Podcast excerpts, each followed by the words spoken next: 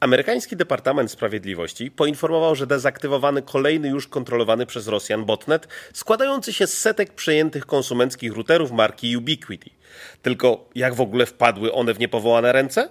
Ano ich właściciele nie zmienili domyślnych danych logowania i jeszcze dodatkowo wystawili panel zarządzania administratora na świat. A to prosty sposób na katastrofę i infekcję złośliwym oprogramowaniem.